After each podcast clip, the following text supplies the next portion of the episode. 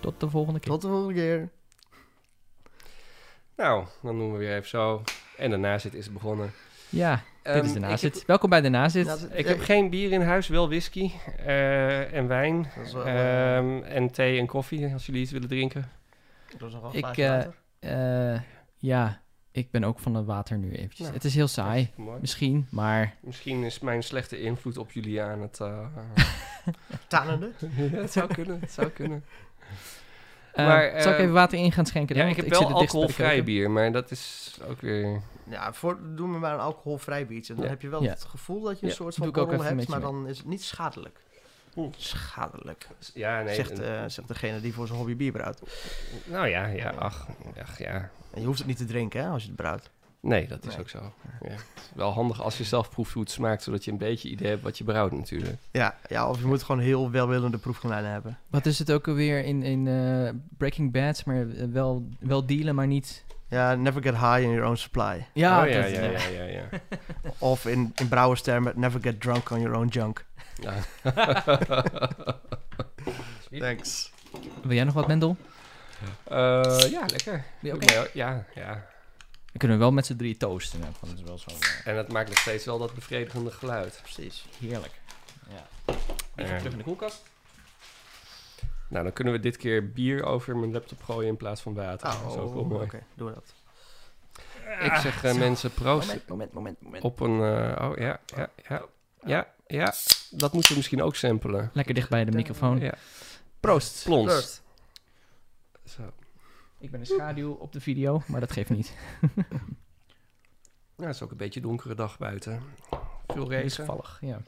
Was gisteren dan echt de laatste zomerdag van deze zomer? Ik vind het niet erg. Hm? Ik ben geen zomermens. Ik vind het... eh, alles boven 25 is mij te warm. Ja, dat klopt. Maar gisteren was wel oké. Nee. Nee? nee, maar mijn huis is ook een kas. En Ja, dat is, daar moet ik nog wat aan doen. Eh, dus ja, het is bij mij op de eerste etage... eh, als het buiten 28 graden is, is het bij mij op de eerste etage 28 à 30. En dan is het boven 30. En eh, beneden is het wel aangenaam. Dan is het toch zeker wel een graad of 6 koeler dan. Maar ja, dat is ook een garage. garage Ja. Dus het is dan... Nee, ik was het eerst met je eens, maar ik heb eh, dit voorjaar een dakterras gebouwd bij mijn huis. En ik kan nu heerlijk op mijn dakterras zitten. Oh en, ja. eh, dus ik, ik juich de zomerdagen toe. Ja. Dat ja, is ik, ben, ik ben de zon ook een stuk meer gaan waarderen. Met dus mijn grootste frustratiepunt dat ik nu al drie maanden thuis zo'n beetje zit binnen. Omdat ik dus zo lang al ziek ben.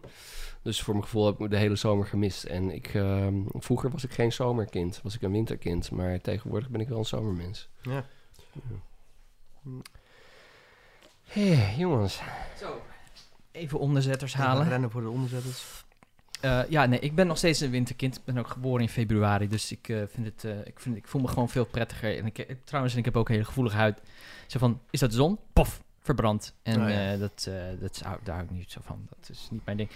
Ja, bij mij is het meer, oh, is dat stuifmeel? Ah, eh, neus en keel. En zo Oh ja. kapot. Ja, Daar heb ik dan geen last ook een hekel aan de zomer. Ja. Ja. Oh ja, nee, daar heb ik, daar heb ik dat, dat, dat heb ik gelukkig niet. Maar het leuke is, ik heb dus, eh, ik zit nu al een paar maanden aan een hooikortsmedicijn, wat ik ooit al had geprobeerd en had opgegeven omdat de bijwerkingen voor mij te zwaar waren. Oh. Iets wat ik vaker herken bij mij met medicijngebruik. Ja. En mijn huidige allergoloog, die had een advies gegeven wat nog geen enkele arts me ooit eerder heeft gegeven. En dat wil ik dus graag de kijker en luisteraar even meegeven. Want dat is dus best wel eh, een eh, dingetje. Ehm, eh, wat het namelijk was, is zij, zij vertelde mij van ja, ehm, als je nou bijwerkingen krijgt, geef het niet meteen op. Wacht even nog. Geef het even gebruik tijd. het twee weken. Want als, eh, het kan zijn dat ze weer wegzakken als je lichaam de nieuwe balans gewend is. Ah, ja. En wis en varimpel, dat werkte. En dus heb ik nu voor het eerst in mijn leven een hooikortsmedicijn wat één werkt. eh, in hoog genoeg doseringen dan Ja. weliswaar. En twee waar ik geen bijwerkingen van ondervind. Fijn. Ja, Dat, is is een goed fantastisch. ja. Gewoon, eh, de bijwerkingen had ik ook best heftig weer. Maar die gingen Oké. na een week ongeveer bij mij weg. Wat voor bijwerkingen had je dan? Nou, heel sloom. Heel veel last van mijn schouders en mijn nek. eh, hoofdpijn, weeige maag. Een eh, lege maag? Weeg. Weeg. Weeg, Een beetje zo. Alsof, je, alsof je een beetje brak bent. Zeg maar. Oh, ja, oh, ja, fijn. Ja. Ja. Ja, en ehm, dus dat, als dat bij andere medicijnen ook zo werkt, is dat wel heel interessant. Kan. Ja, maar de symptomen kunnen natuurlijk ook heel ernstig zijn. Dus inderdaad ernstig dat je niet door kan. Maar Nee, precies. Dat, eh, ik bedoel, dat als je ernstige symptomen hebt, moet je absoluut niet doorzetten. ineens word Of- je blind of zo, dan is het misschien wel verstandig om even de arts te raadplegen. Als je dan nog tenminste je telefoon kan vinden. Of de arts. Best wel een lullig scenario eigenlijk.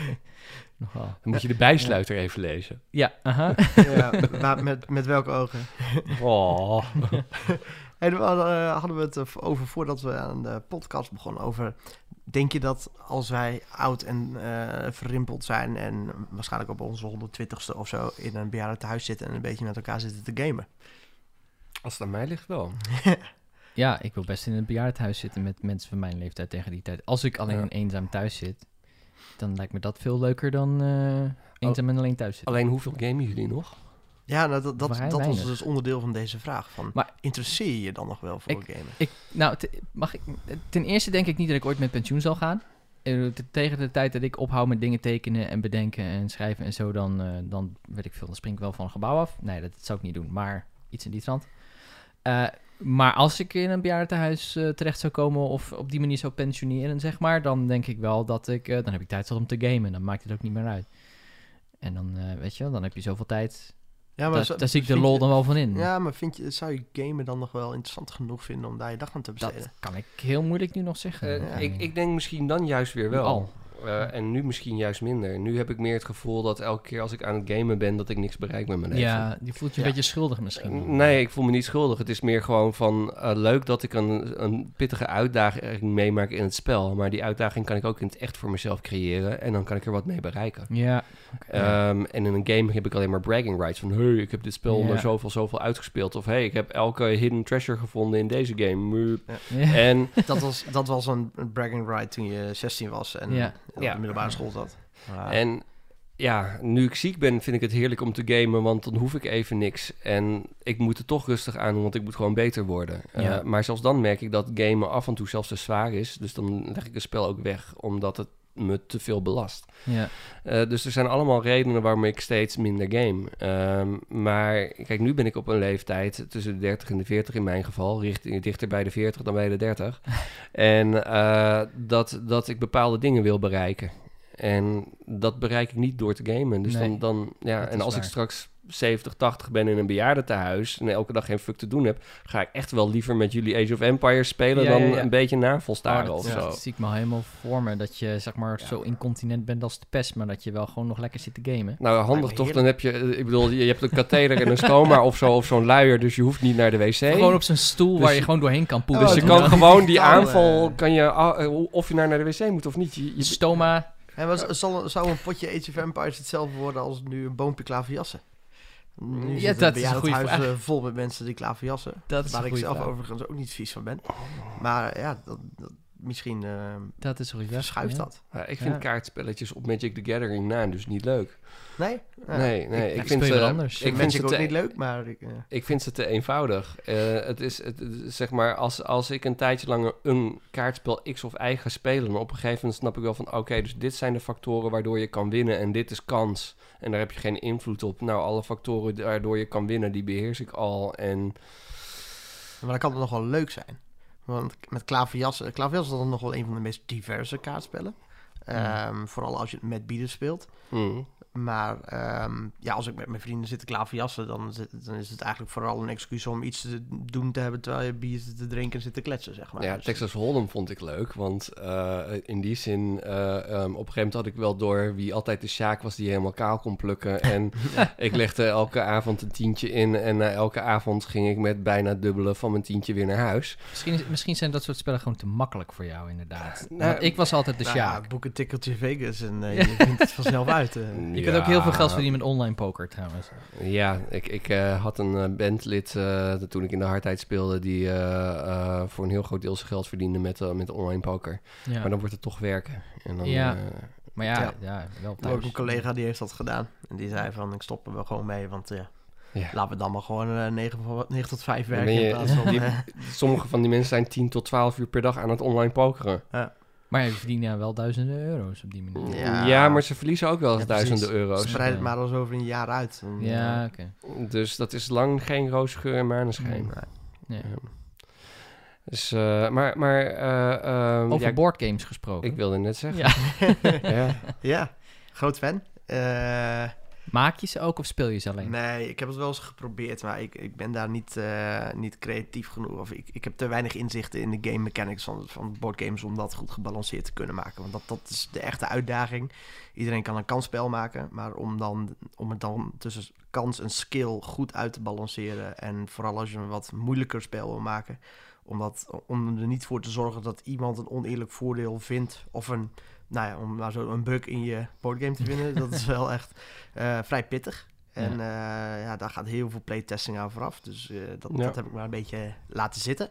Ik eh, speel het vooral graag. En ehm, ben twee jaar geleden samen met Willem begonnen met een boardgame meetup. Eh, Ja, Een loungecafé, toch? Ja, elke Ja, eh, twee weken. oh, nee, om de. Nee, dan moet ik het goed zeggen. Eerst elke tweede en vierde woensdag van de maand. Dus dat is niet elke twee weken, Hm. zoals ik een paar keer moeilijk heb, eh, heb ondervonden. Nee, dat Ehm, klopt. Er zit soms opeens drie weken tussen. Ja, precies. Ja. Ehm, in het lunchcafé. eh, en dan eh, komt iedereen gewoon binnen. Neem je eh, zijn eigen games mee die je wil spelen. En dan worden er groepjes gevormd.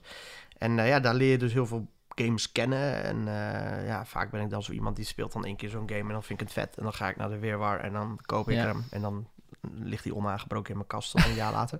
Dus we hebben hier dat, ook nog een paar games die we nog niet gespeeld hebben. Board game hoarder. Ja. Maar eh, ja, dat, dat is eh ik wil leuk. ze dan ook niet wegdoen, ondanks dat ik ze niet, niet meer of niet, waarschijnlijk niet ga spelen. Ja, nee, maar ik vind het echt een verzameling ondertussen. Ik heb echt eh kasten vol. En ik, ik vind ze er ook altijd gewoon heel mooi uitzien. Dus het, mijn vriendin heeft een wand met, eh, met boeken. En ik heb een wand Oh ja. met boardgames. Toch eh, merk ik ook met boardgames heb ik een beetje hetzelfde fenomeen als met kaartspellen. Op een gegeven moment dan heb ik het voor mijn gevoel te goed door en dan vind ik het niet meer leuk. Ja, dan moet je ook Hmm. heel veel spellen hebben. Dan word je nooit echt te goed in één. En dan, eh, of je moet... Eigenlijk vind ik de leukste spellen om te spelen... een beetje van die, van die family party games... die, Oh, ja. die een beetje skill hebben, eh, maar niet te veel. En van die puur strategische games vind ik wel leuk om af en toe te spelen. Maar ehm, ja, laatst hebben we met een groepje Eclipse gespeeld. Ja, Eclipse is gewoon een game die gewoon 7 of 8 uur duurt. En, dan, eh, en Game of Thrones eh, Second Edition, ja, die duurt ook gewoon 5, 6 uur. Ja, dat, dat is mij te Ja. lang. Ja. Nou, dat vind ik wel vet, maar dan moet ik er wel echt voor Ja. In de mood zijn en dan echt gewoon de hele dag uitpakken. Nee, en, eh, ik zeg wel eens mij te lang, maar een potje Robo Rally duurt ook al gauw acht uur. ja. Zo, wauw, zo lang? Nou, kan. Hangt er vanaf hoe groot je Oh. het maakt. En wij maken het altijd net één of twee checkpoints zo groot. Je bepaalt zelf hoeveel rally checkpoints je Ja. hebt. Ja, en... eh, Ja. maar ik vind het nog wel een fantastisch spel. Dat is een spel waar ik... Dat, trouwens, Robo Rally heb ik me nog nooit in verveeld. En misschien komt dat omdat... Je, je moet Robo Rally niet proberen te winnen. Nee, ja. Hmm. Je, er zijn wel... Maar dat is ik, met doe heel veel games. ik doe het nooit slecht in Robo Rally, maar er, er zit... En het is niet eens zozeer een random factor. Het is meer dat je elkaar zo fantastisch dwars kan zitten... dat je, je hebt gewoon ongeveer zoveel grip op Robo Rally als op het echte leven. Ja, ik speel nog steeds uh, Yatzee. Dat, Oh, eh, Wekelijks, toch? Nee, niet wekelijks. Oh. Ongeveer elke maand. Maar eh, dit jaar zijn we erg, eh, hebben we erg veel, erg weinig gespeeld. En dat doe ik al sinds 2010 of 11. En nou hoop ik dat mijn uh, Yatzee-genoten niet luisteren en dat ik het verkeerd zeg. En dat, ik, dat bij de volgende keer dat we Yatzee gaan spelen, Ja, wat dit weekend is, dat ik het weer moet Ah, ontgelden. je hebt een eh, vast groepje Jatseers. Ja, we zijn met z'n vieren en we kennen elkaar al heel lang. En, eh, en we gaan dan eten samen en we wisselen af. Ik heb nu zelfs een t-shirt aan van ons uh, Yatzee-groepje. En daarop staat... eh, Voulez-vous Yatzee avec moi ce soir? inderdaad, met de, met de data nog van de eerste... Van een paar van de eerste... eh, Yatzee eh, battles. Op mijn rug. Uh-huh. En, eh, en dan hebben we... Onze huizen hadden ook allemaal bijnamen. Zoals bijvoorbeeld... ik woonde in de hoogte. Dus dat was dan... en mijn bijnaam vanaf mijn middelbare school was Howling. Dus dan was het de Howling Heights. en, nou, en zo hadden we nog een paar. Eentje woonde aan het Damse Diep. En dan was het Damster Diep. Ehm, nou ja, en zo hadden we wat Ja. van dat soort plekken. En we hebben ons eigen boekje ook gemaakt. en we hebben daarbij ook een extra eh worp die je kunt doen. Namelijk de flirt. En dat is... eh, eh, zeg maar als je twee paar gooit en nog een losse eh, die hebt liggen, weet je, dan wordt de losse die maal 5 en dat is dan eh, de, het aantal punten. Dus een, een flirt met een 1 betekent dat je een dobbelsteen met een 1 hebt en, en twee paar, twee verschillende paar. En dan doe je die 1 maal 5 en dan heb je 5 en een flirt met een 6. Dat is natuurlijk de hoogste haalbaar en dan heb je gelijk 30 punten. Hmm. Dus dat is wel, eh, dat is wel een aardige toevoeging geweest. Cool.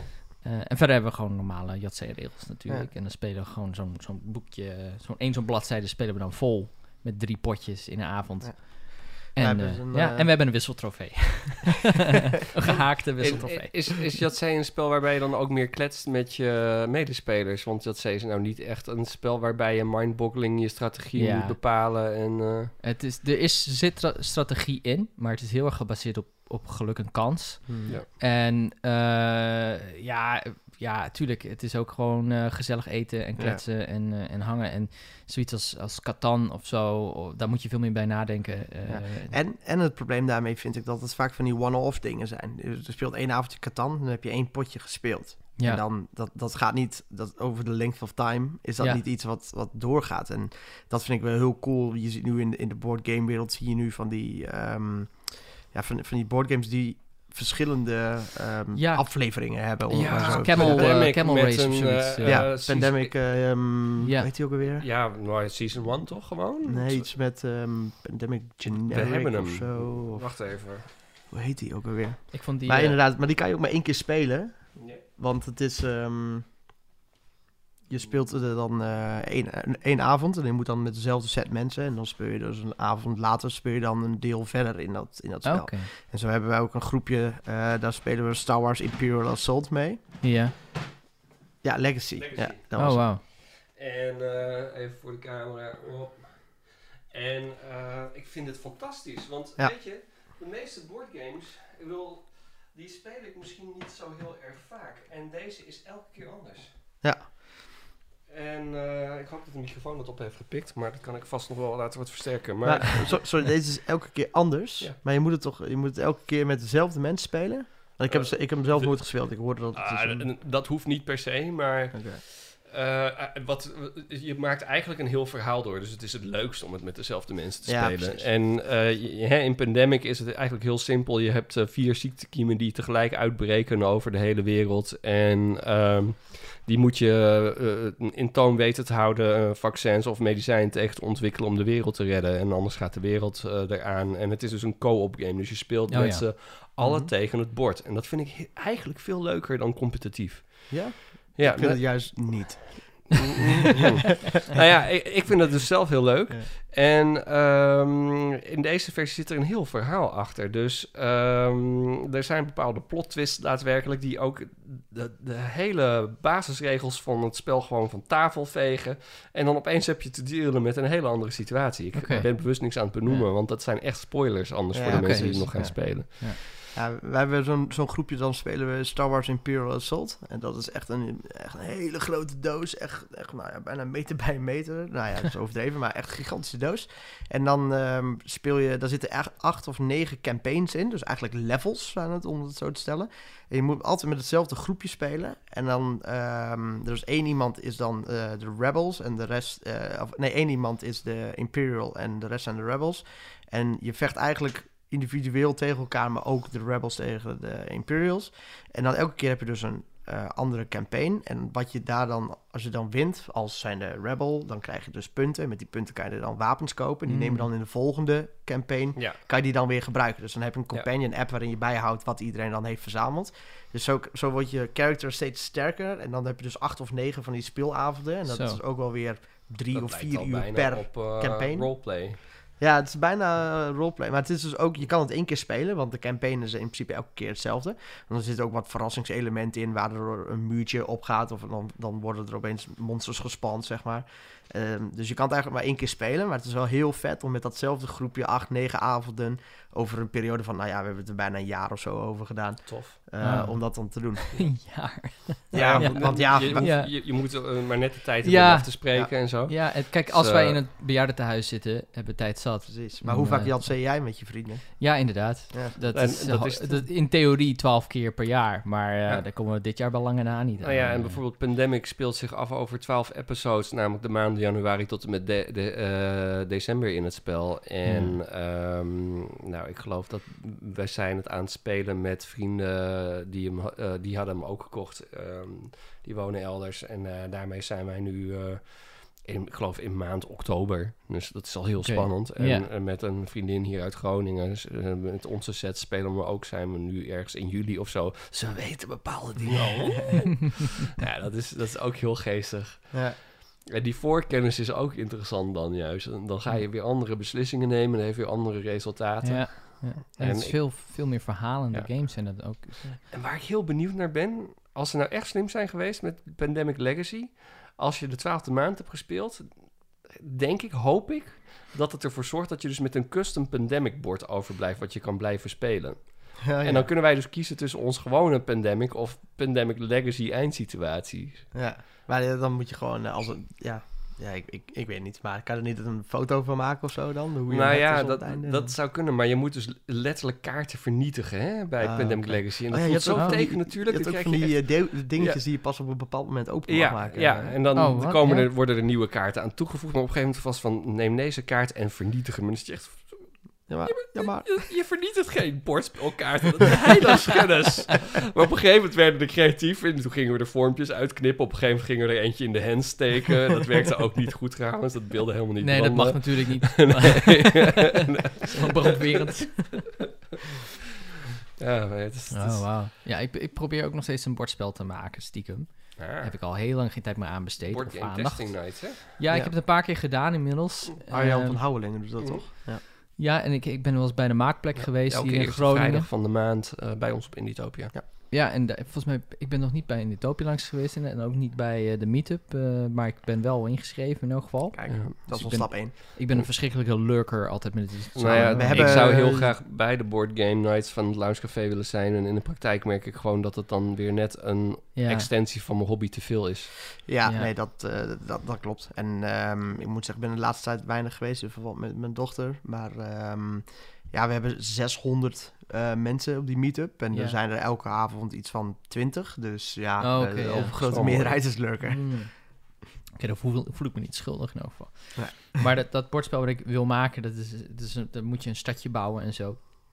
Het leek me altijd zo vet om dat in een bordspel te vangen. Maar dat valt inderdaad nog best Ja. tegen. Eh, ik heb al heel veel verschillende iteraties gehad. Maar op een gegeven moment is het voor mij zo van... Oké, ik, ik moet nu weer met andere dingen bezig die wel een toekomst en hebben. In Leeuwarden Ja. houdt de Game Development eh, Club daar eh, één keer per jaar de Board Game Jam. Ja, En dat is ook echt heel leuk. Daar Ja. heb ik die keer daarvoor aan meegedaan. Deze keer kon ik niet. ja. Ehm, dus dan ben je gewoon in 48 uur met vrienden een boardgame aan het ontwikkelen. En dan loop je niet tegen je eigen beperkingen op. ja dat is... Want dat is vaak wel echt het probleem als je in je eentje een boardgame Ja. gaat ja, ontwikkelen. dat duurt enorm Ik heb lang. het een en keer met een start-up eh, weekend gedaan. Toen eh, zei Oh, ik ja. gewoon, oké, ik wil nu gewoon een game maken. En toen, eh, ja, uiteindelijk was het een hele slechte game. Want toen kwamen we er ook achter hoe moeilijk het eigenlijk weer is. Maar, ja, zo kan je ook wel... eh, Samen, samen sta je sterker. Altijd eigenlijk wel. Eh, even iets heel anders. En dat was een ideetje wat ik eh, eh, had. En dat wil ik eigenlijk wel uitproberen in de nazit. Want dat vind ik een mooie plek daarvoor. Is ik ga... ehm, ik wil eh, eens even in jouw LinkedIn profiel bekijken. Want we zijn LinkedIn vriendjes gelukkig. Eh, en dan ga ik eh, met jou eens even door jouw eh, werkgeschiedenis heen lopen. Oké. En, het, en, eh, en dan vraag ik even aan jou, Mendel, wat, wat is leuker? oh, wat is leuker, denk je, om bij, zeg maar, bij het huidige te beginnen of bij het verleden te Nee, je beginnen? begint natuurlijk eh, bij het oudst, de oudst mogelijke entry die je Oh kunt jee. vinden. Ja, en jij hebt er gelukkig nogal wat. ik heb eh, er een heleboel belachelijke dingen op. Oh ja, ik ben... Oké, ja. En zullen we ja, het. zullen we het daarna bij jou doen, Sebas? Bij mij? Ja? Wil je bij mij als guinea pig beginnen? Nee, nee, ik bedoel, dat doen we dan daarna. Dan mag je daarna mij doen. Dat vind ik ook goed. Eh, in plaats van Peter Jaap. Nee, nee. Niet en, Wat? en, en. Oh, zo. Ja, nee, is goed. Ja, oké. Nou, ik begin dan eh, even bij jou, Peter Jaap. Eh, je hebt er van alles bij geschreven. En we beginnen natuurlijk bij het begin. Eh, even zien. Nou, onderwijs slaan we even over. Mhm. Wie, dat, maar dat mag je zelf invullen natuurlijk, want er zijn waarschijnlijk werkervaring dingen die je hebt gedaan tijdens een studie. Eh, Mm, maar ik zie hier dat jij eh, ag- agent bent geweest. dat klinkt heel spannend. Ja. Helaas was het bij KPN. Ja. Eh, je was callcenter agent. ja, dat was mijn eerste... ja, echte baan- bijbaantje. Tien maandjes. Tien maanden. Nou ja, Ja. voor iedereen die callcenterwerk heeft gedaan bij KPN, die weet dat dat... dan, dan ben je zeg maar de langzittende na tien maanden. Oké. Dat, eh, ik heb toen op de eh, multiplayer helpdesk van eh, Oh ja. IPB, Internet Plus Bellen, multiplayer helpdesk. Ja, zo noemden ze dat. dat ja, Voor gamers. Of, Ja, ja, ik weet niet waar die term vandaan komt, maar het was, ehm, dat heette zo, de NPHD van IPB. En de IPB was het eerste voice-product van, VoIP-product van eh, Oh. KPN. Oké. En dat had echt zoveel problemen, dat daar hele batterijen studenten werden aangenomen om, om die support te verwerken. Oké. En het was zelfs zo erg. Ik heb er dus tien maanden gezeten, dus ik heb het meegemaakt. Dat eh, wij kwamen daar en dan had je een telefoon en dat brandde dan een, een rood lampje op als je ingelogd zat en eh, in de lijn zat. En je kreeg zeg maar continu kreeg je mensen aan de telefoon, want er stonden altijd iets van 100 man in de lijn of zo. Oh, En op een gegeven moment kwamen wij eh, op, eh, op, de, op de afdeling en logde hij in en was dat lampje oranje. En iedereen was in rep en roer. Jongens, wat is dit voor lampje? Waarom is dat lampje oranje? Ja. We hebben nieuwe telefoons. Wat is er aan de hand? Het bleek nou, als er minder dan 50 mensen in de wachtrij stonden, dan werd die oranje. Oh. Maar dat was in negen maanden tijd niet gebeurd. en ik heb verhalen gehoord uit eerste hand dat hij ook nog groen werd Oh, toen er minder dan tien mythisch in- gewoon. Ja, precies. Verschrikkelijk. Oh, Oké, dus dat was, dat was in 2006. Lijkt Mhm. mij Eh, niet het staan. meest fantastische werk ooit. Nee, daarna heb ik besloten van oké, ik ben daar weggegaan. En Ja. toen, toen ben ik voor mezelf begonnen. Dit gaan, dit gaan we Ja, dat, doen. dat zie ik hier staan. Eh, programmer bij Given Night. Ja, dat eh, was een freelance klus. Een hotel eh Oké. cadeaubon voor zakelijke medewerkers. Ja, Ja, dat zie je van 2007 tot 2007 zie ik hier staan. Dus dat is ook ja dat was een, een freelance klus. dat is een freelance klus. Even zien, eh WebRap Associates, Ja, Researching ook nog, online eh, reputation of high profile companies. Oeh. Ja, dat was eh, een, een, een bedrijf van een broer van een vriend van mij. Die, ehm, die- ja, eh, wat deden we eigenlijk? Online, eigenlijk was het een beetje social media management toen er nog geen social media was. Dus we moesten voor bedrijven gaan opzoeken hoe er over hun werd gepraat op Ah, fora en ja. op, nou ja, Ja, dat soort dingen allemaal. Oh, oké. Ja, Ja, web, reputation verzamelen. eigenlijk waren jullie je tijd vooruit dan wat dat betreft. Ja, dat, dat bedrijf was een tijd vooruit, ja. En het Ja. is daarna volgens mij te ziele gegaan. Maar dat, eh, nu eh, noem je dat social media. eh, daar heb je allemaal van die tools voor om dat bij te houden. En, ja. Ja. Ev- Event 2 was je programmeur, geloof ik, zo te zien. Ja, dat was een klus die ik met, met Willem, waar ik nu de boardgames mee doe, heb gedaan. Ook een freelance klus om een, Oh, oké. dus je hebt freelance klussen, ja. ja. En dit vind ik heel interessant. Eh, want blijkbaar was jij boardmember public relations bij de European International Model United Nations. Ja, ja, klopt. Wat is, wat is dat? eh? Ja, Vertel dat eens eh MUN, dat Model United Nations is een, is een ja... Was dat vanuit je studie, dit? Dat je Nee, ik, ik heb het op mijn middelbare school heb ik een heleboel van die munts gedaan. En dat zijn evenementjes waarbij dus een Model United Nations, dus je speelt de VN na. Dus je krijgt een land toegewezen en je komt er in, een- in een bepaalde VN-council. Dus je bent bijvoorbeeld Turkije in de Human Rights eh, Council. En dan eh, Interessant. moet je Ja. een stelling eh, verdedigen of eh, samen een resolutie schrijven en dan amendementen indienen. En ja, mijn middelbare school deed daar altijd aan mee. Dus toen ben ik een beetje ingekomen. En toen kwam ik hier in de stad studeren. En toen dacht ik, oh, dat vind ik leuk. En toen ben ik in die organisatie gerold. En toen heb ik een jaar mijn studie stopgezet om dan Tijmun eh, te organiseren Ja. in Den Haag. De European Ehm, International, TIJ, en dan Tij. Model yes. United Nations, MUN. En daar kwamen ongeveer eh, 300 mensen uit de hele wereld op af. En daar hebben we, dat hebben we een jaar lang georganiseerd. Meerdere evenementen. Dus eh, Oh, en daar kon je gewoon een jaar daar heb ik aan, een... aan eh, toewijden. ja, daar heb ik een jaar voor. En kwam dit ook voort uit politieke ambitie? Nee, absoluut niet. Nee. Ik vond dat, dat ik gewoon heel leuk. En dat, die, die, dat wereldje was heel leuk. Allemaal internationale mensen ontmoeten en Oh ja. feestjes. En, eh, ja. Maar, maar heeft het je ook inzicht verschaft in, in hoe politiek werkt op dat eh, vlak? Of? ja, je weet, ik weet wel aardig goed hoe de VN werkt, zeg maar. Maar de VN is natuurlijk weer een heel losstaand orgaan... eh, wat, wat niet direct gelieerd is aan een nationale politiek of, Nee. of, eh, Nee, of iets dergelijks. precies. En, en het is een heel raadgevend orgaan... Mm. met soms via de Security Council wat, wat bindende dingen. Maar ja, het is wel interessant dat je weet hoe dat zit met, met vetorechten in de, in de Security Council. En hoe landen die heel erg elkaar het leven nastaan, Ja. toch in de VN met elkaar moeten samenwerken. En hoe Ja. dat diplomatiek werkt. Dat is Ah, wel ja, ja. ja. leuk om te weten. Even kijken. En, en we zijn er nog niet. Ehm, eh, dit, is, ik, dit zal denk ik ook een klusje zijn, maar dan moet je mij maar vertellen. Mhm. Eh, tester bij Viridian Dynamics. ja, en Elf deze, maanden. Nu, ja, nu moet ik. ehm, nu- dit is een grapje op mijn LinkedIn-profiel waar nog Oh. nooit iemand iets over heeft geroepen. Dus eh, ik kan hem hierna weer afhalen, want we dan gaan is de grap verpesten, ja. ja, het is, ehm, er was ooit een, een, een, een serie op, dat heette Better Off Ted. En eh, dat is in die looptijd van dat tester, Viridian Dynamics. En dat was een comedy-serie en dat ging over een bedrijf dat heette Viridian Dynamics. En die doet allerlei onethische dingen op wetenschappelijk gebied. En er zitten dus een paar jongens in die serie die zijn dan tester. En die moeten dan bijvoorbeeld eh, een, een gehaktbal opeten die opgekweekt is eh, in het lab. Eh, Oké, nou, ja. Noem maar wat. Dus het was eigenlijk een beetje een grapje dat iemand een keer dat herkende en dat dan ging benoemen. Maar, ja. Er staat hier een logo bij, Vidler. Ik weet niet wat dat is. Eh, Fiddler. Oh, ik denk dat dat een image was die er... die heeft de weg is of zelf eh, Ja. Eh, Geen idee. Oké, oké. Even zien. En dan komen we bij de laatste met een einddatum. Want je hebt een aantal dingen staan die geen einddatum hebben. Dus dan neem ik aan dat je dat nog steeds, die functie nog steeds Nou, bekleedt. het zijn een heleboel start-up weekend dingen die zijn doodgebloed. Dus dat heeft niet echt een specifieke einddatum. Oké. Maar je bent blijkbaar ook co-founder van Novel Twister. Ja, dat was dus een start-up weekend eh Oké. projectje. Ja. It's a collaborative storywriting game for stronger and deeper relationships. ja, dat eh, van die mooie termen die je dan Ja. bedenkt op zo'n start-up weekend. En even zien, eh, Party with a Local. Ja, dat is mijn enige succesvolle start-up weekend project geweest. Oké. Ehm, dat was met een eh, Australische jongen die in Amsterdam woont, die dat bedrijf overigens nog steeds heeft. En dat is een app dat als jij eh, in het buitenland bent en je wil met een local eh, de lokale kroegen afschuimen, dan kan je daarmee eh meeten. En Oké, leuk. ehm, dat zijn, heeft ondertussen iets van eh 300.000 actieve gebruikers en dat is best, Oh, eh, best groot geworden. Oh, oké. Gaaf. Leuk Ehm, idee ook. Ja. Ja. even kijken. Ik heb hier nog een paar van die co-founder dingetjes.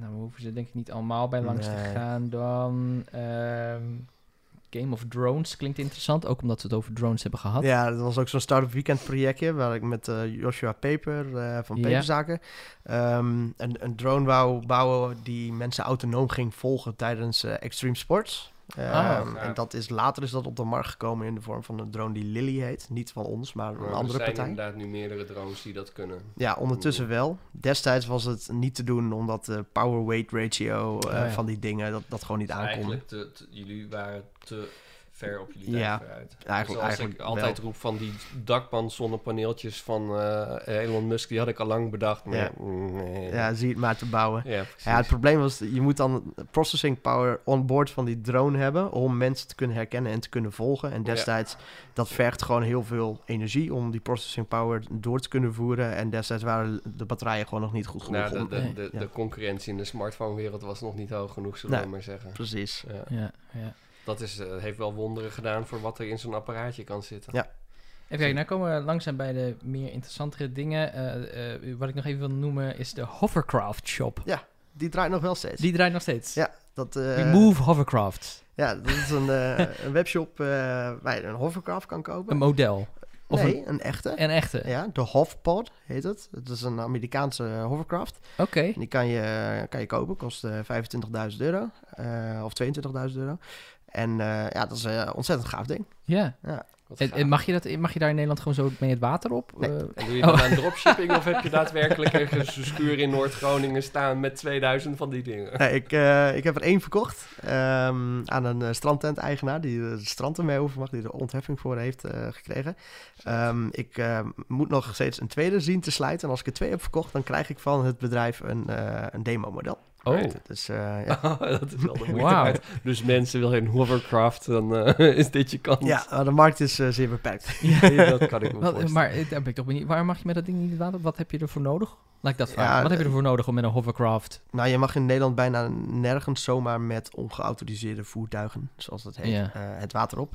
Zoals je bijvoorbeeld ook nergens achter een, bijna nergens achter een boot aan mag wakeboarden. Ja. Daar moet je ook vergunningen voor hebben. ja. Ehm, ja, is een, is een hovercraft is een niet geregistreerd, non-geautoriseerd voertuig. Het- ze weten eigenlijk niet wat ze ermee aan moeten, dus verbieden Nee. ze het maar. Dat is eigenlijk even kort gezegd. Dat, is, eh, dat, dat heb ik wel vaker gehoord, ja, over verschillende dingen hier Elektrische skateboards valt ook in die categorie. Ja, Ja. nou. Ja, ja, ja, ja. Eh, Blaak meer web development. Nou, dat is eigenlijk... Dat is mijn eh eenmanszaak geweest. Ja, Ja. Oh, die staat hier ook nog present, inderdaad. Ja dat, dat, ja, dat is nu niet meer actief, maar dat is nog wel een ingeschreven entiteit. Oh ja, oké. En dan hebben we natuurlijk El Gentos. Dus daar ben ik vijf jaar geleden mee begonnen. Dat is een Ja. uitvloeisel van Black Mirror Web Development. Al bijna zes jaar. Zes jaar al. Ja. Vijf jaar, elf maanden staat Ja, hier. oktober 2011. ja, Merkte kijk. je ook dan dat je met het bouwen van webshops gewoon makkelijker aan klanten kon komen dan met het bouwen van websites? Ja, of dat er gewoon meer te verdienen was? Ja, beide. Eh, Dus meer, nou, meer vraag. naar- Weet je, websites, toen eh, men daarmee begon, ehm, had nog niet iedereen een website en was het niet gemeengoed. En ondertussen is het een beetje hetzelfde als een visitekaartje. Eh, dus websites bouwen as such, eh, die markt s- stort op een gegeven moment in toen elk eh, buurjongetje op de hoek met WordPress een kant-en-klaar templateje kon aanklikken en, en dat kon neerzetten. En ehm, ja, ik ben een beetje eh, langzaam aan in, in die Magento kant gerold in die webshopmarkt. En toen, eh, ja, je merkt met een website op zich valt geen geld te verdienen. En met een webshop wel. Dus een webshop zorgt voor een soort van terugkerende inkomstenstroom voor de bouwer. Terwijl een Ja. website Ja. meer een one-off is. Ja. Ja. ja, ja. Dus Ja. eh, toen dacht ik gewoon, moet- misschien moet ik me daar maar in gaan Dan heb je specialiseren. meer duurzaamheid als bedrijf. Ja. Dat is wel, wel interessant. Ja. Goh. En eh, merk je dat het speelveld moeilijker is geworden? Want hè, je, hebt, je hebt bijvoorbeeld, om een voorbeeld te geven, ehm, ik betrapte me de laatste op dat ik wel heel vaak meteen bij Coolblue ga kijken als ik iets elektronisch ga kopen. En dat heeft er iets mee te maken met dat ze eigenlijk gewoon een hele goede service hebben. In Mhm. de zin van, je hebt het gewoon de volgende dag. Het is op voorraad. Ze hebben een groot aanbod. Ja. En vaak is de prijs ook nog dusdanig dat zelfs als je het bij een minder bekende webshop voor twee of, tien, twee of drie tientjes goedkoper kan krijgen, dat je toch denkt, "Mm, ja, maar Ja. die webshop is die wel Ja. zo betrouwbaar. Ja. En, en zijn er dus strengere eisen aan, worden die aan jou worden gesteld als jullie een webshop gaan bouwen nu? Nou, het, het ligt meer aan wat type webshop je bent. Als je gewoon een platte dozenschuiver bent, doen we dat altijd. Als dozenschuiver Ja. red je het niet meer. Dan moet je echt volume hebben, zoals Bol en Coolblue doen. Ja. Hoewel die eigenlijk ook geen dozenschuivers zijn, want die, die zetten vol in op, op de support en op de customer service beleving. Ehm, ja, dan, dan zi- nou ja, uiteindelijk zijn ze nog wel steeds dozenschuivers. Ik bedoel, er komt van de leverancier komt de doos binnen en die schuiven ze door naar de klant. Ehm, daar, dat is heel moeilijk om daar nu nog voet aan de grond te krijgen in die markt. Ja. Wat je dan ook verschuift. Ehm, maar als jij eh, zelf een, of in, een, in een segment zit, niche vooral, Ja. en je koopt bijvoorbeeld unieke producten in, of je hebt een exclusief importovereenkomst met een bepaald merk, of ehm, je, Als je je doet- zelf iets produceert. ja, als je zelf iets produceert, dan hebben we ook wel eh, een mooi voorbeeld daarvan. eh, is uh, Zegsal als een klant van ons, die zit in Veendam. Daar zit de grootste magnesiummijn ter wereld. Wauw. En de makkelijkst winbare eh ja, magnesiummijn. In Veendam. Ja, Borgencompagnie naast Veendam. En in Veendam Ah. zelf staat Netmag. Gigantische fabriek ter, voor de verwerking van magnesium. Huh. En zij zitten daarnaast en zij eh, kopen die magnesium op en verwerken dat in producten die met je huid in aanraking komen. Want magnesium is supergoed voor je. Iedereen heeft een magnesiumtekort. En Oh. eh, zij maken daar ehm, shampoo, deo, eh, badkristallen, weet ik veel wat van. En die produceren dat dus zelf, hebben een uniek product, hebben ook een lijn voor de sportmarkt. Nou, dat is dan zo'n zo'n partij die online, waar wij een webshop voor bouwen, waar nou, meer toekomst, heel veel toekomst in zit, maar meer, sowieso meer toekomst dan een dozenschuiver. Ja. Ja, Ja. maar dat wordt zo moeilijk nu. Ik, ik zelf had een concept bedacht om een hele specifieke high-end eh, Windows PC's te bouwen. Eigenlijk ook omdat ik eh, een haat-liefde verhouding heb met Apple. En ehm, ik had echt wel een bepaald concept bedacht waarbij je eigenlijk PC's kreeg die er niet uitzagen als een of andere science fiction robots, maar wel die performance hadden. Geen Alienware, maar... Ja, Ja. precies. Ehm, die er dus strak, eh, clean eh, uitzien. Alsof je ze wel gewoon op een mooi eh, kantoor eh, van, van een high-end CEO zou kunnen neerzetten. Maar die wel de performance heeft om te kunnen gamen, bij wijze van spreken. Dus het ziet er wel En- uit als een Apple, maar het is natuurlijk een PC. Nou, ik zou zeker voor een eigen design zijn Ja, gegaan. en oké, ik ben maar toen ook, zeg maar... Heb je ik, weet wat ik eh, bedoel, de, de cleanheid van. Ik, ik ben dat gaan uitwerken. Ik ben vervolgens ook me gaan inschrijven bij eh eh, wholesale eh, bedrijven, zoals de zakelijke tak van Alternate en nog wat andere uh, toko's. MC-DOS, TechData. Ja, Ja. Hè, om, om groot onderdelen in te kunnen komen. Om vervolgens tot de conclusie te komen dat door de echt grote doosschuivers, als bijvoorbeeld een Alternate zelf, die eh, hebben zelf een webshop. Hè, waar ze dus hun geld mee verdienen. Nou, als ik daar dus via de groothandel probeer mijn onderdelen in te kopen, dan is de, het verschil in winstmarge dusdanig klein dat ik daar helemaal geen, ik kan daar geen viable bedrijf uithalen. Nee. Nee. Het is onmogelijk voor mij om daar geld op te verdienen. Ja. En dus kan ik, heeft het geen zin überhaupt om dit product te gaan, gaan maken. Ja, wat we dus wel zien is dat, eh, dat, dat, dat shops die dan uit die dozenschuifhoek wegkomen, ehm, de, de kleinere producten bijvoorbeeld in, in China laten namaken en, en daar dan een eigen Ja, lijn van gaan ja, voeren. Zoals een, een, eh, een, een kledingwebshop die dan eh, bekende merken verkoopt. En daarnaast een essentials lijn invoert met simpele witte t-shirts die ze eh, in, in nou, laten produceren. Wel in gewoon eh, normale fabrieken waar geen kinderen werken, maar wel in de lage landen. Ja. Dus dat is ook een model waarbij je dan ja, eh, dat soort dingen. Het is een beetje het, het supermarktmodel. Dat je nog even op het eind een, een, een simpel productje erbij schuift waar je marge op maakt. Of het mediamarktmodel eigenlijk.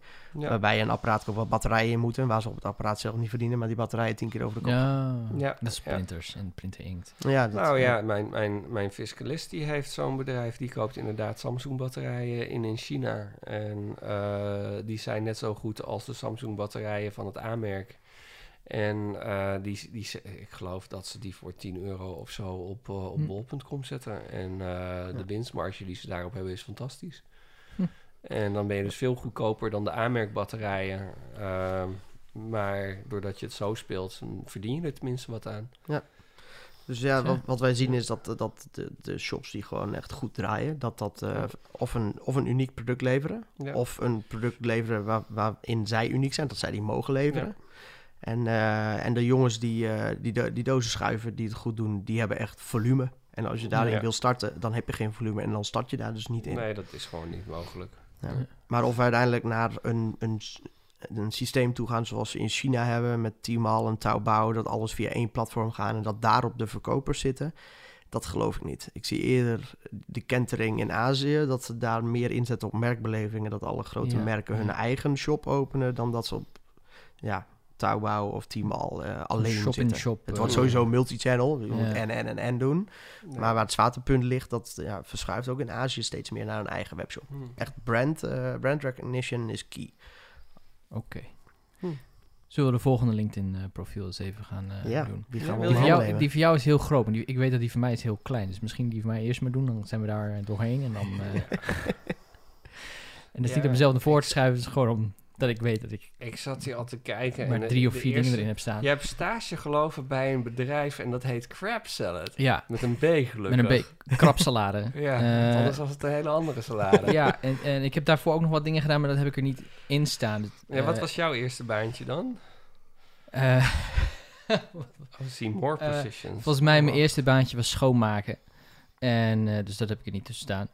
Oh ja. En eh, dat was eh, in het Getronics, toen nog het Getronics gebouw in Assen. En dat is, nu zit de ANWB alarmcentrale daar. Ja. En dan moest ik altijd fietsen vanuit Bachelhuizen langs het kanaal, helemaal zo naar Getronics. Ik vond het verschrikkelijk rotwerk. Ik heb enorm veel respect gekregen daarvoor, eh, daardoor door, voor, voor schoonmakers, mensen die het dag in dag uit doen. Ja. Daarna heb ik eh, een, nou wat zou het zijn, een jaartje of anderhalf, of nee, nog minder zelfs. Volgens mij nog niet eens een jaartje bij RTV Drenthe gewerkt. Ja.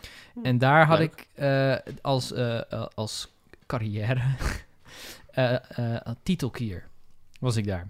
Oh ja. Dus dit was nog in het oude pand van, eh, van RTV Drenthe, want ze zitten nu in de staat tegenover, wat een enorm mooi gebouw is. En toen der tijd eh, hadden ze daar in hun regiekamer een Amiga staan. Oeh. Ik weet niet welke, maar er stond een Amiga. En die Amiga was verantwoordelijk voor de, de titels, die, de, weet je, de lower thirds die je zo in beeld ziet. En ik moest aan de hand van papieren tijdcodes op de juiste moment op een knopje drukken om ze in beeld te komen. En opnieuw op het knopje drukken om ze weer uit beeld weg te laten gaan. En ik was toen de tijd 16, 17, super onzeker eh, en eh, niet echt eh, assertief. Dus ik kreeg dan wel die tijdcodes, maar het ging echt zo vaak mis. Ook omdat de tijdcodes niet overeenkwamen met de stukken die uiteindelijk werden aangeleverd, met de items die werden aangeleverd, de video's. Dus dat ging heel erg vaak mis. En het werd live opgenomen eh, in, het, eh, in het nieuws van zes uur. Dus ik zat heel vaak met een behoorlijk vloekende regisseur in, die, eh, in een regiekamer. En terwijl dan heb je zo'n, weet je wel, zo'n raam, zo'n heel dik raam met daarachter de nieuwslezeres die gewoon rustig doorlas. En hij zit echt, god voor dit en fucking dat en weet ik van. Ik, zat dan, ik voelde me dan heel klein worden daar aan het eind van die regietafel naast die enorme Betamax tapes en achter zo'n oud krakkemikkig eh computertje. Dus dat was... eh, dan zat er gelukkig tussen mij en de regisseur nog één of twee mensen. En die zeiden vaak van, ja, we, we, fixen het wel voor het acht uur, weet je wel. En dan, eh, nou ja, dan ging ik weer en daar ben ik heel snel ben ik daar weggegaan. dus ik heb niet echt veel En dat noemde je titelkier? Titelkier. Waarom kier? Waar- waar Dat, komt- nou, ik moest op een key drukken. Oh, titelkier. Kier. Kier. Oké, ja, check. Ja, dus ik, was, ik drukte op de titelkey. Ah, kijk. Dus En, en dan eentje waarvan mijn wenkbrauw omhoog ging was lid Raad van Goede Ideeën, de Cherry Twist Foundation. ja, En daar ben je, eh, was je eh, vier jaar lang animator, filmer, sparringspartner, vragensteller en naïveling. nou, de laatste ben ik vaak nog steeds. Ehm, eh, ja, nou, effectief ehm, hield dat in dat ik één keer mee geweest ben met een clubje mensen naar eh Schiermonnikoog. En dat was eh, volgens mij een initiatief van Rutger van Zuidam. Hey. En Mark Vletter was daarheen mee, daar heb ik hem leren kennen. En nog een paar leuke mensen, Harry van der Velde, als ik het goed zeg. Die woont nu in Antwerpen. En eh, daar eh, eh, gingen we brainstormen over het een en ander. Ik weet niet eens meer waarover precies. Maar dat was, was heel leuk, was heel confronterend voor mij ook wel. En heel leerzaam. En, Wat ja. was daar confronterend aan? Ja, eh, ik, ik was heel negatief. Ik, weet- hè, dat, ik ben, ja, dat was ik gewoon, komt gewoon uit mijn jeugd. En eh, iemand reageerde daar heel erg heftig op, waardoor ik even een momentje had van, oh, oh, oké, oh, dat, eh, oh, goh, ja, weet je, dat was even zo'n Ja, precies. self-awareness dingetje. Dus dat was wel, het was leerzaam, het was nuttig en eh, wat contact aan overgehouden. Uiteindelijk heb ik het logo van Voice ontworpen, omdat ik daar Mark heb leren kennen. Oh, wat leuk. En eh, dus dat was leuk. En eh, een crab salad, daar nog even op terug te komen, dat was eh, daarvoor. Crab salad was een stageplek. Ik zat, ik zat hier op de kunstacademie hier in Groningen. En ik deed time-based media. En eh, dat was nou, video, animatie en, eh, en maar ook Flash.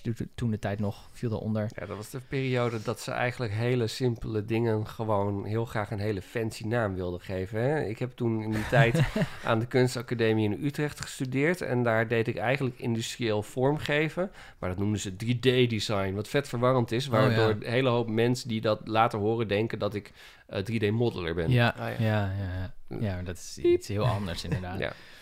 Nee, ja, time-based media, zeggen ze van, nou ja, Time-based media. het is niet film en animatie, het is ook nog eens een keertje interactie eventueel. Dus ja, kan maar wel time-based. Het is allemaal time-based. Ja. Dat was dan de enige gedeelde delen. Of, of- nee, nee. Anyway. eh, en eh, nou ja, op de kunstacademie moet je natuurlijk stage gaan lopen. En ik eh, ben gaan zoeken op internet naar wat ik een tof bedrijf vond. En dat eh, werd Crab Salad. eh, vanwege de naam en, het mat en de dingen die ze deden. En ik had een hele vette... eh, ehm, eh, hoe heet dat? Het ding is sollicitatiebrief gemaakt. Want ze waren conceptueel. ging het, bij hun, hun, het ging er bij hun om op een goed ontwerpconcept te maken, zeg maar. Dus ik had een, een, eh, een boekje gemaakt, zo'n duimboekje. En dat was eh, een medicijn bij gebrek aan stagiair. Er zat een bijsluiter bij. Een hele beschrijving van symptomen en bijwerkingen. En wanneer te gebruiken en zo. Eh, dus dat had ik in zo'n mooi, mooi, Mooi. Ziploc, zip, ziploc zakje gedaan en opgestuurd naar Crab Salad. En na een weekje heb ik achteraan gebeld van, hey, hebben jullie dit ontvangen? En zeiden nee, nee, we hebben je pakketje niet ontvangen, je brief, nee. Eh, nee, nou, ik kan nog wel even kijken bij de post. Nee, dat ligt ook niet. Dus dan had ik, fuck. Dus wat heb ik gedaan? Dus heb ik gewoon printjes gemaakt van mijn werk. En, eh, want dat deed je toen nog in 2008. En, eh althans ik wel. En dat heb ik allemaal in een dikke envelop gestopt en in, in een heel pakket daarheen gestuurd met een begeleidende brief. En toen belde ik daar achteraan. En toen zeiden ze van, ja, ja, die brief hebben we binnen. En je originele brief hebben we ook binnen. dus eh, nou ja, toen was het zover dat ik, eh, vonden ze me zo toegewijd dat ik werd uitgenodigd. En wat, wat doet het bedrijf? Maken ze krapsalade? Ze, ze bestaan niet meer. Eh, en wat ze deden was niet salade maken. Crop salade. Crop. Eh, wat ze deden was post-production en animatie. En, ehm, eh, en Volgens mij gaan er nu een hoop kinderen binnenkomen. Oké, dus eh, composition en zo van, eh, van films en animaties, maar ook eh, zelf animeren en illustreren en allerlei ontwerpwerk. Dus het was een beetje twee werelden. En ehm, ja, dat was een hele leerzame stage, ook om allerlei redenen. En eh, we moeten even zwaaien. Hallo. Hallo. Hallo. ja? Ik heb Kom maar even hier, dan kan de microfoon je ook horen. Ik, ik, Moet je hierin praten? Kom maar. Kom, ik heb van, van Sharon's feestje snoep gekregen. Oh nee, daar gaat je opvoeding. Oeh.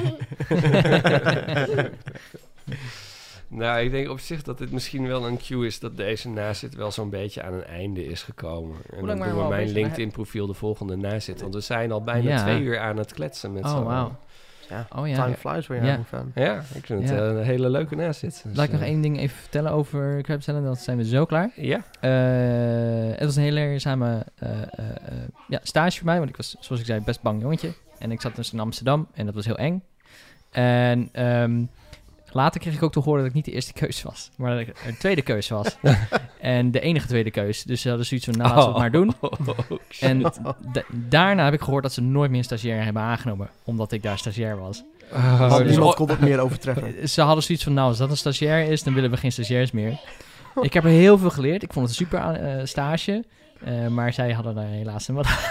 Ondertussen Oh, be- bestaan ze niet meer. Ze Dus ik bestaan weet niet niet of meer. zij nou zo goed Het kan natuurlijk ook Ja. zijn dat ze je zo fantastisch vonden dat in vergelijking alle andere stagiairs die ze wilden aannemen, zo hadden van nee, nee, die heeft geen bijsluiter mee. dat wordt het gewoon niet. Nee, Misschien laat Ik dat dat maar, dat laat ik mezelf dat maar vertellen. Dat voelt beter. Oh, geweldig idee. Goed. Nou, dan eh, houden de luisteraars en kijkers eh, eh, jouw eh, LinkedIn LinkedIn-profiel te goed, inderdaad. Ja, dan doen we dat de volgende keer. Heel benieuwd naar. Peter, Ja, ja, cool. hartstikke bedankt. Jullie ook? Cliffhanger dus. Wat Goed. goed. Ja, Ja, ja dankjewel. Luisteraars, kijkers, bedankt. dankjewel. En eh wij zijn de leerlingen. Doei.